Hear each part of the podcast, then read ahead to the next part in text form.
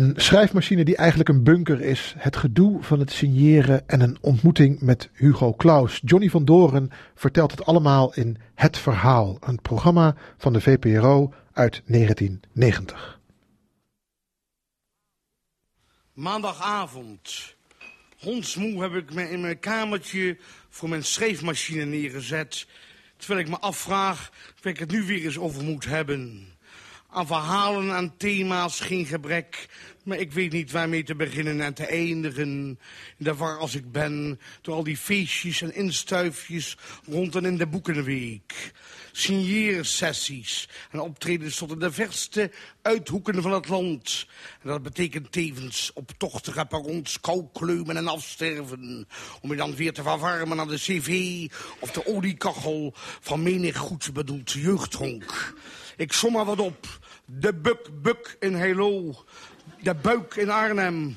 Of het letterkundige café Het Lulletje in een gehucht onder Groningen. Tegen de eigenaar van het café Het Lulletje zei ik nog...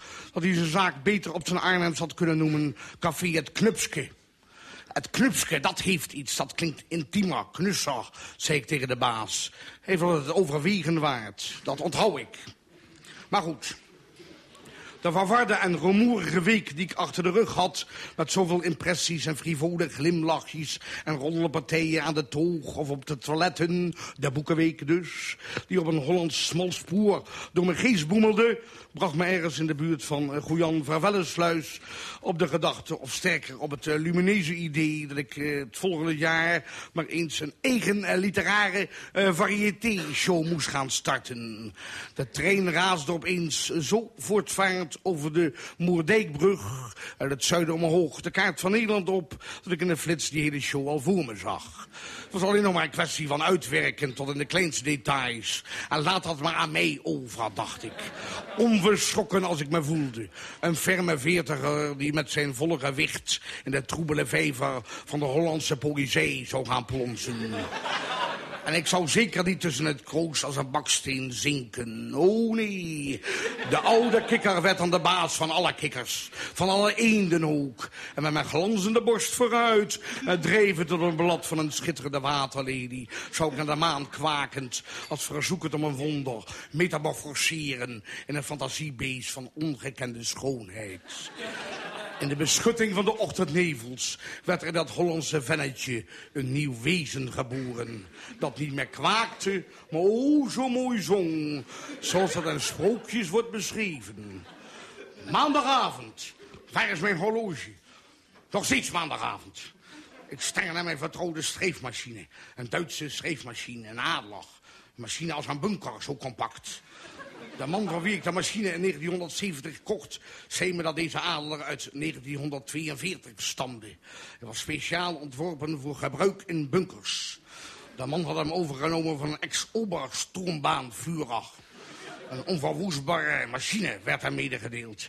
En heeft gelijk gehad. Zelfs nu, in 1987, 45 jaar later... tik ik nog op mijn robuuste adelaar als een god. Ik heb mijn adel ook eens aan Jules Deler laten zien en er tekst een uitleg bij gegeven.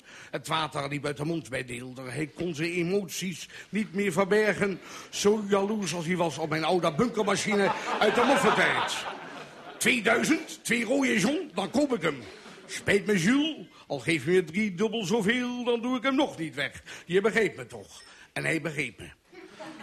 Maandagavond, tien uur. Dat is nou poëzie. Het gewoon af en toe staren naar je dierbare machine. Mijn adelaar op wie ik zo woest kon zijn als het met mijn werk niet vlotte. O, wat heb ik hem afgebeuld. En wat hield hij zich kranig.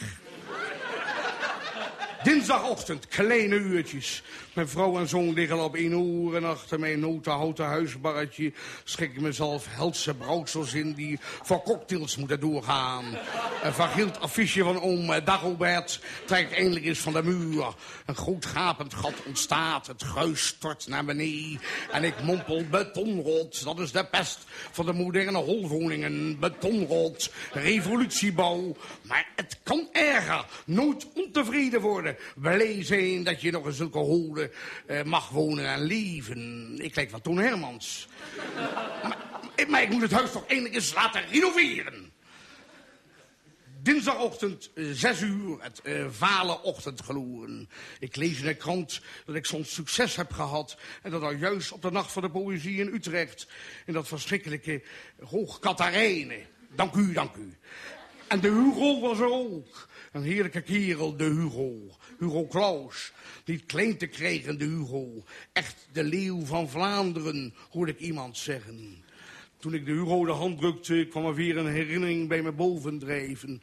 Ik was 17 eh, jaar, sweet 17. En naast Vink en Jean-Paul Boon mocht ik een schilderij, een expositie van hem openen... in een café Salbeton te Dendermonden. Oh ja, ik was toen nog zo koen als gras. Maar luidkeels kwaken, ja, dat kon ik iets als de beste. In een Vlaams zondagblad stond er de volgende dag een stuk over mij. Ik meen in de kwik. Na wat gezoek in mijn archief heb ik de krant te pakken en ik lees onrust bij het publiek. Dan begon de Kika even krampachtig te doen als iemand die nodig eens moest. Dan spreidde hij de armen open, nog beter als Charles de Gaulle. Maar er kwam niks, geen jota. De extase van hem was nog niet volkomen. Die houding hield hij vijf minuten vol. Ik heb de tijd opgenomen. Een bescheiden stem uit de nu verduisterde gelachzaal vroeg... Is er iets stuk?